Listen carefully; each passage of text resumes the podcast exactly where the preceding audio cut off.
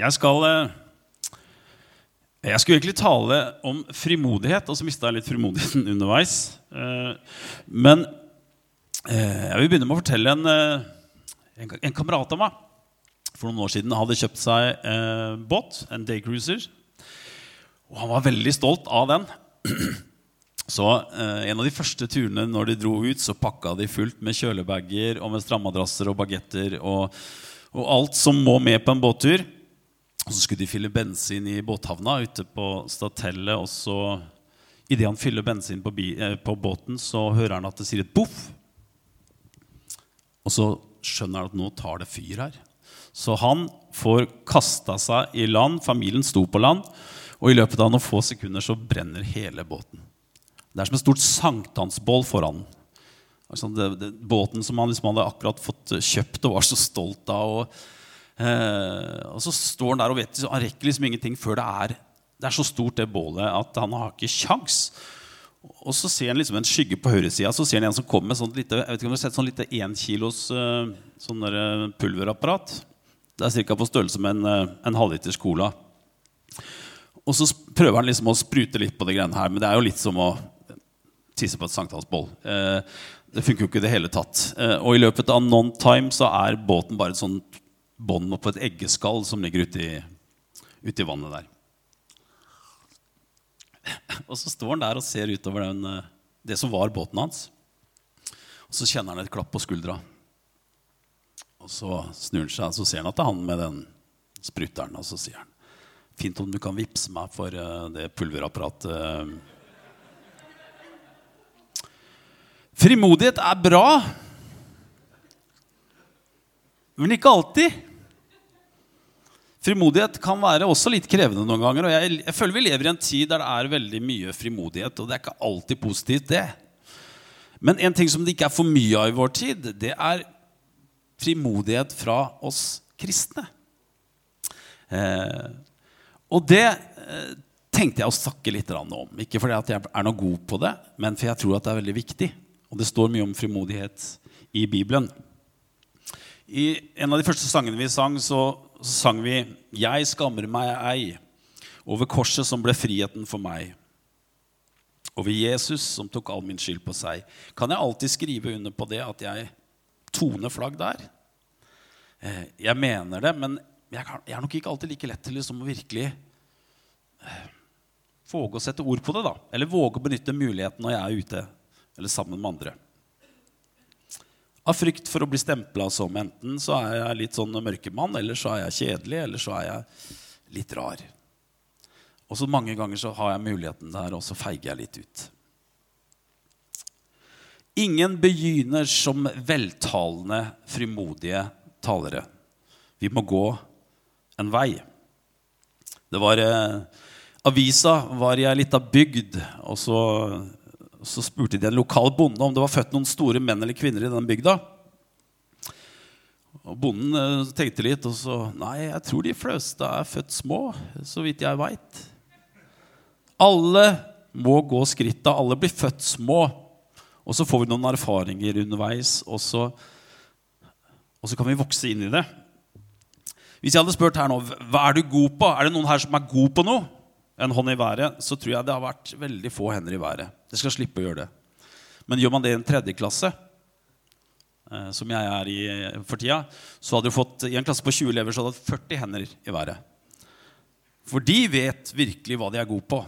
Og når Jesus sier at vi skal bli som barn, så tror jeg kanskje den der frimodigheten Han snakker litt om den òg. og tar vare på den frimodigheten. Den at vi tror, vi føler, vi kan noe. I går så feira vi femårsdag til han minste min. Og da tok vi en, tok en sånn runde da han fikk ros.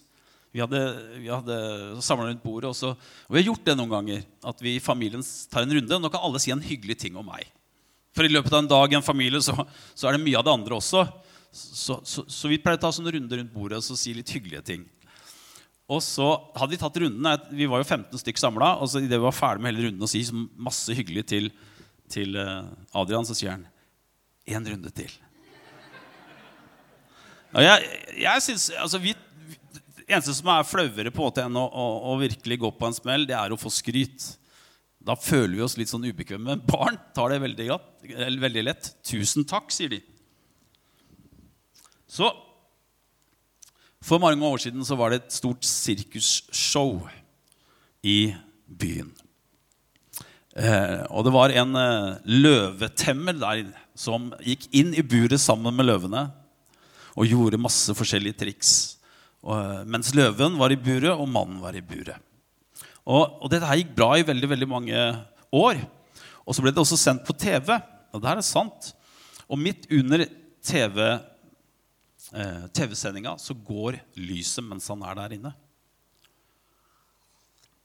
Han har øvd på det her før, men han har ikke øvd på det eh, i mørket. på en måte. Og det her er en cliffhanger, så du skal få greie på den slutten i, i starten. Nei, i slutten. eh, men jeg tenker som kristen så har vi en del sånne tigre i mørket. Vi kan det, vi kjenner historiene, men når vi står der ute, og når lyset går, så, så mister vi litt frimodigheten. Og Hvis det er noen av dere som har holdt andakter, har prekt litt eller har sunget, så er det også interessant hvordan man ofte, det skjer ting før man skal gjøre det. Det kan være en krangel. Det kan være et eller annet man har mista, som gjør at man mister helt fokus. og blir egentlig helt sånn. Så når man kommer fram og skal gjøre det man skal gjøre, så er man egentlig litt nede i kjelleren. Man har mista frimodigheten. Uh, og jeg husker det, Pappa sa det til meg. Han, han jobba som pastor i mange år. Og, og, rett før han skulle tale, så var det veldig ofte at han og mamma krangla. Det slo liksom ikke feil. Og etter hvert så begynte de å skjønne, skjønne hvorfor. Og da kunne de gjøre noe med det. Men det er ingenting som tar frimodigheten mer enn det å være i konflikt eller det å kjenne at man ah, så gikk jeg på en smell igjen. Det er vanskelig å snakke om Jesus og nåde når jeg føler meg som verdens dårligste pappa. Eller verdens dårligste ektefelle. Eller jeg har ting som ligger der og tar frimodigheten min. Og jeg tenker at eh, Frimodigheten er ikke så lett å oppdrive, men du mister den veldig fort. Og Opprinnelig så betyr ordet frimodighet betyr å tale, si alle ting, si det som det er, være åpen, modig og puste fritt. Og Så leste jeg en kronikk av Carl Jahr. Han er redaksjonsleder i Korsets Seier, kalt 'Skapkristne' som et svar på Arne Bergens utfordring og spørsmål hvor er de kristne blitt av i det offentlige rom? Han starter kronikken med setningen noen lurer på hvor de kristne har blitt av i, debatt, i den offentlige debatten. Det gjør ikke jeg. Og han, han starter med å si nu, eh, Han forteller om kristne som ber, ber dem slette alt av kristent stoff om dem på nettet. De mener det er bedre at CV-en står tom, enn at de har vært aktivt i kristent arbeid. Hvordan blei det sånn? De gode nyhetene ble en byrde. Alle er fan, fan, av Jesus, bare ikke som Gud. Og så skriver han videre om det er krevende å søke jobb med et kristent vedheng, så er det å heve stemmen i det offentlige rom et livsfarlig offer. Frykten for å bli stemplet er for høy. Fordommene er for store og toleransen for liten. Jeg satt sammen med noen venner og så på nyhetene. Eh, og vi så alt det som skjer nede i Gaza, og da kom kommentaren Da kom kommentaren Gud må ha tatt ferie. Veldig tydelig. Gud har tatt ferie. For åssen kan Gud på en måte tolerere alt det som foregår i verden nå? Han må ha tatt ferie. Og jeg, jeg utfordra egentlig en her, og jeg har lyst til å høre det. Aleksander, jeg utfordra deg. Hva hadde du sagt i en sånn situasjon? For når jeg sitter i sånne situasjoner, så blir jeg alltid svar skyldig. Ja, det er mye fælt, men det er også veldig mye bra. Og så, så, så dør liksom samtalen ut. Og så tenkte jeg, hva med en som har tatt imot Jesus ganske nylig? Hvordan vil han se på det? For han ser jo i hvert fall at det fins en levende Gud. At Gud ikke har tatt ferie. At Gud er en levende Gud. Eh, har du lyst til å ryste, Aleksander? Ja. Kom igjen. Vi har tid. Kan gi en eh, Ja.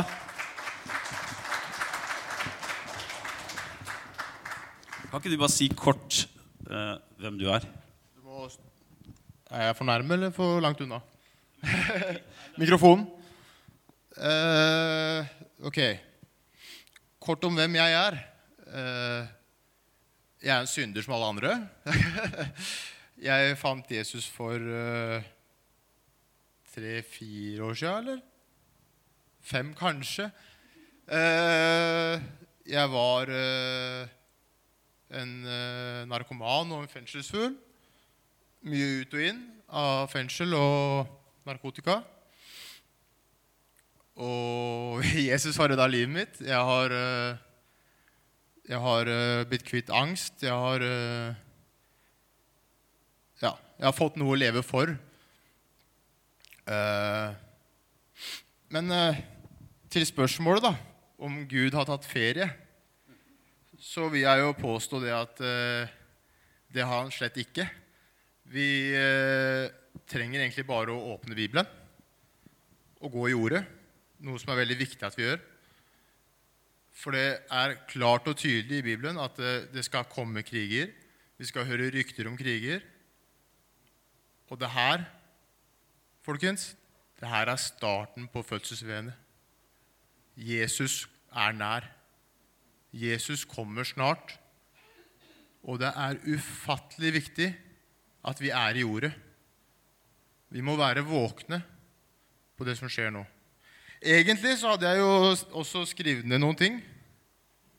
Jeg står og skjelver i beina, for jeg kan ikke stå her. Det går veldig bra.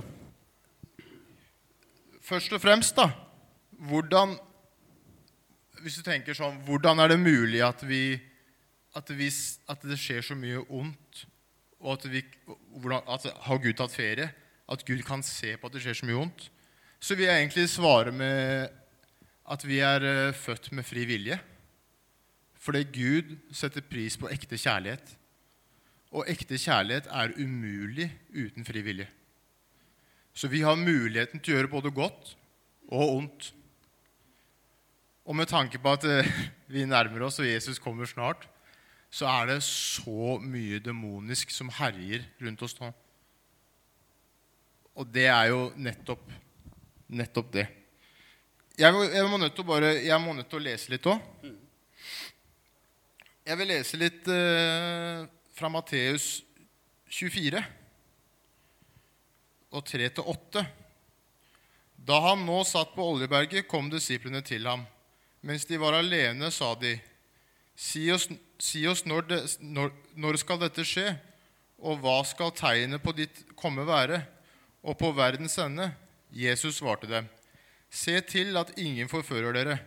Mange skal komme i mitt navn og si jeg er Kristus, og de skal forføre mange. Dere skal høre om kriger og rykter om kriger. Se da til at dere ikke blir skremt. For alt dette må skje, men enden er ikke ennå. Folkeslag skal reise seg mot folkeslag og rike mot rike. Og det skal bli hungersnød, pest, jordskjelv på forskjellige steder.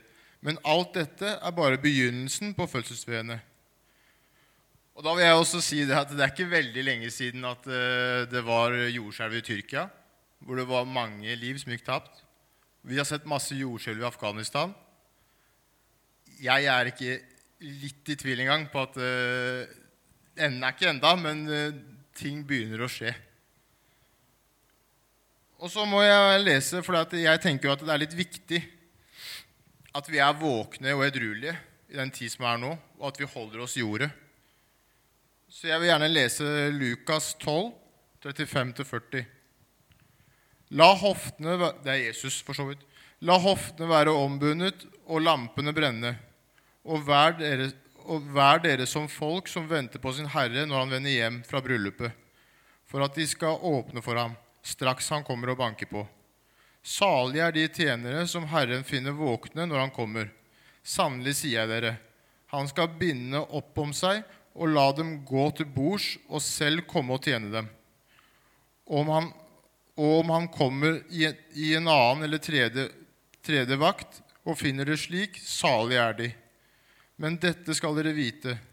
Dersom husbonden visste hvilken time tyven kom, da ville han ikke la han bryte seg inn i huset sitt.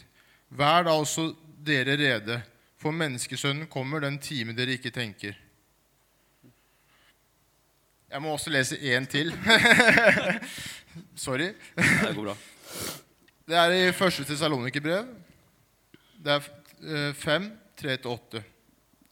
Når noen sier 'fred og ingen fare', da kommer det plutselig ødeleggelse over dem, som fødselsvene over den som skal føde. Og de skal slett ikke slippe unna. Men dere, søsken, er ikke i mørket, så den dagen skulle komme over dere som en tyv. Dere er alle lysets barn og dagens barn. Vi tilhører ikke natten eller mørket. La oss derfor ikke sove slik andre gjør, men la oss våke og være edrue. De som sover, sover om natten, og de som drikker seg fulle, er fulle om natten.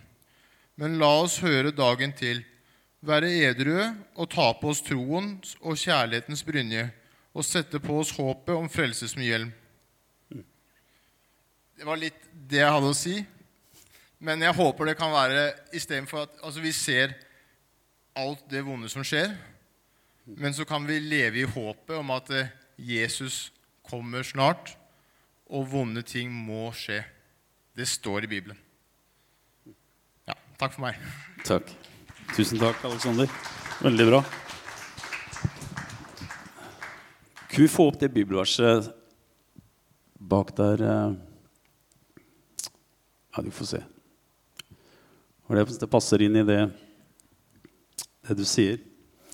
La oss derfor frimodig tre fram for nådens trone, så vi kan finne barmhjertighet og finne nåde som gir hjelp i rette tid. Så står det videre her. For vi har ikke en ypperste prest som ikke kan ha medlidenhet med oss i vår skrøpelighet, men en som er prøvd i alt i likhet med oss, men uten synd. La oss derfor med frimodighet tre fram for nådens trone, for at vi kan få miskunn og finne nåde til hjelp i rette tid. Jesus fikk møte en funksjon, funksjonshemmet mann og sa, 'Vær frimodig, sønn. Dine synder er deg tilgitt.' Han så en syk kvinne og sa til henne, 'Vær frimodig, datter. Din tro har frelst deg.'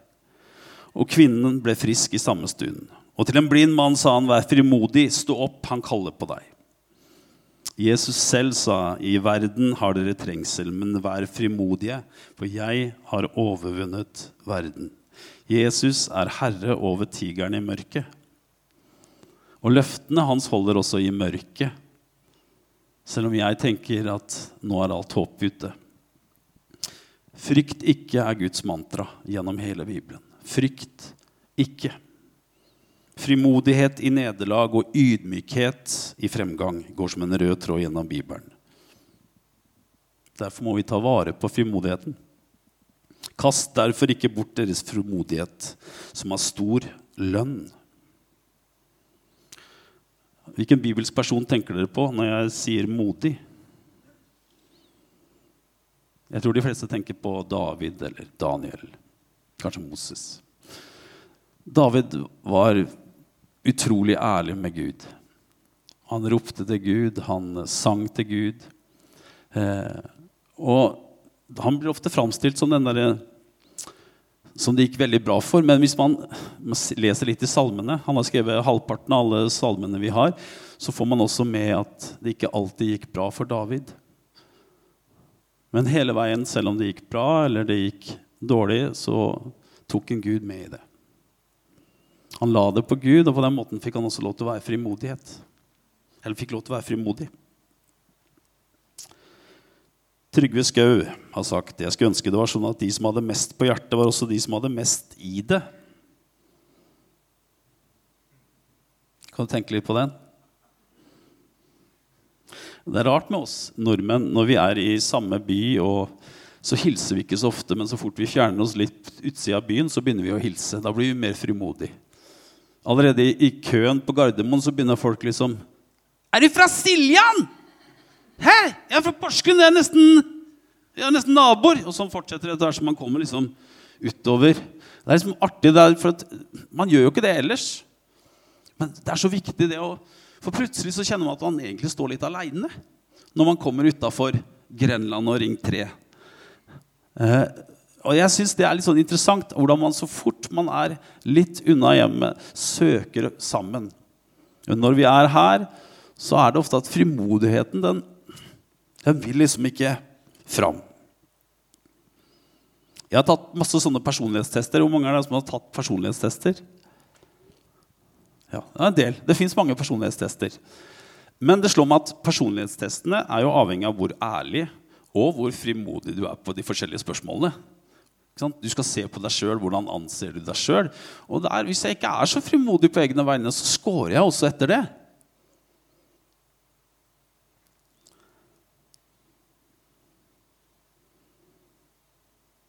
Jeg tror det er viktig å skape en kultur av raushet. Misjonskirken har liksom disse tre verdiene.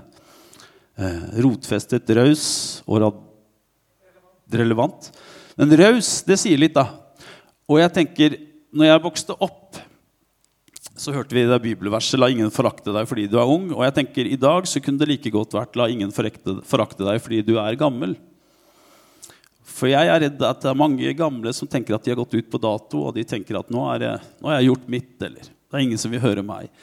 Men jeg tror at uten oppmuntringene fra mange av de eldre i kirken, de som var der, som klappa meg på skuldra, som sa 'bra', når jeg kanskje ikke hadde gjort det så bra, det hadde så utrolig mye å si for mitt trosliv.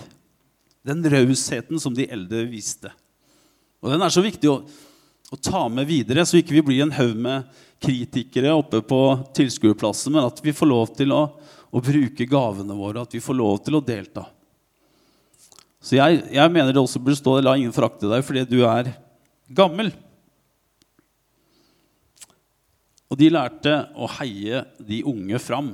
Og, jeg tenker det, og det har jeg også sett mye av i kirken her. Raushet. Sånn at folk kan få lov til å være frimodig. Jeg går mot slutten her nå. Eh. En misjonsorganisasjon ønsket å sende hjelpere til misjonæren og oppdageren dr. Livingston i Afrika. Misjonslederen skrev, 'Har du funnet en god vei til der du er?' 'I så fall vil vi sende flere menn til å hjelpe deg.' Livingston svarte, 'Hvis du har menn som bare vil komme hvis det er en god vei, så vil jeg ikke ha dem.' Jeg vil ha mennesker som vil komme selv om det ikke er noen vei i det hele tatt. Det slår meg i forhold til frimodighet at jeg tror nok som kristne så må vi nok forvente mye av det som Alexander sa, at det mer og mer blir vanskeligere å hevde at noe er sant. At det finnes en sannhet. For etter hvert som de eldgamle, evige verdiene begynner å krasje med samtidens idealer, så vil vi kjenne på motgang. Og i det så må vi våge å være frimodige med menneskene rundt oss.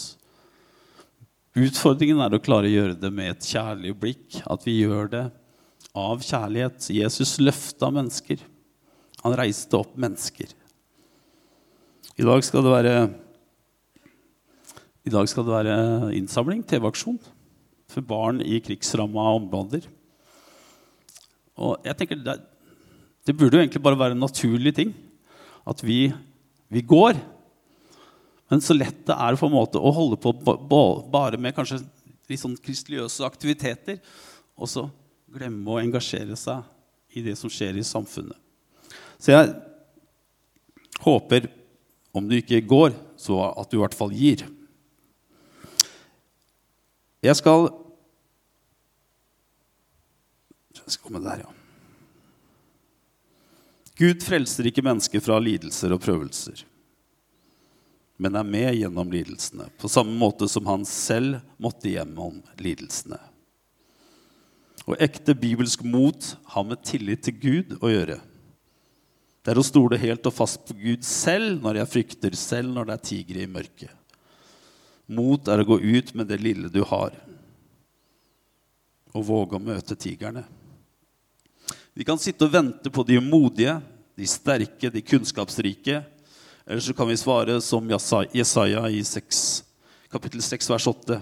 Da hørte jeg Herrens røst som sa, 'Hvem skal jeg sende, og hvem vil gå for oss?' Da sa jeg, 'Se, her er jeg.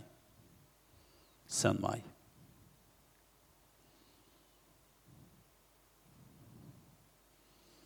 Kanskje lurer du på åssen det gikk med den løvetemmeren?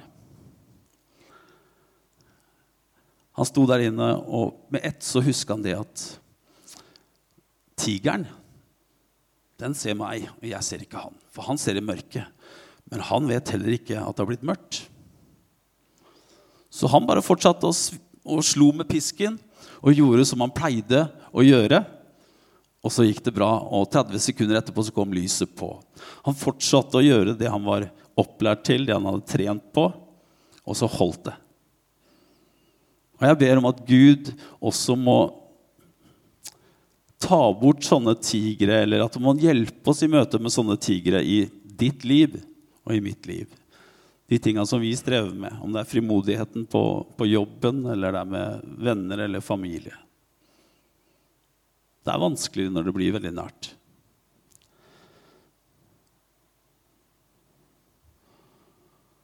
Og du er god nok. Du er bra nok. La oss be. Herre, gjør meg til redskap for din fred. La meg bringe kjærlighet der hatet rår. La meg bringe forlatelse der urett er begått. La meg skape enighet der uenighet rår. La meg bringe tro der tvilen rår, og la meg bringe sannhet der villfarelsen rår. La meg bringe lys der mørket ruger. La meg bringe glede der sorg og tyngsel rår. Og mester, la meg ikke så meget å bli trøstet som å trøste, ikke så meget å bli forstått som å forstå, og ikke så meget å bli elsket som å elske. For det er gjennom at man gir, at man får. Det er ved å glemme seg selv at man finner seg selv. Og det er ved å tilgi andre man selv får tilgivelse. Og det er ved å dø at man oppstår til evig liv. Amen.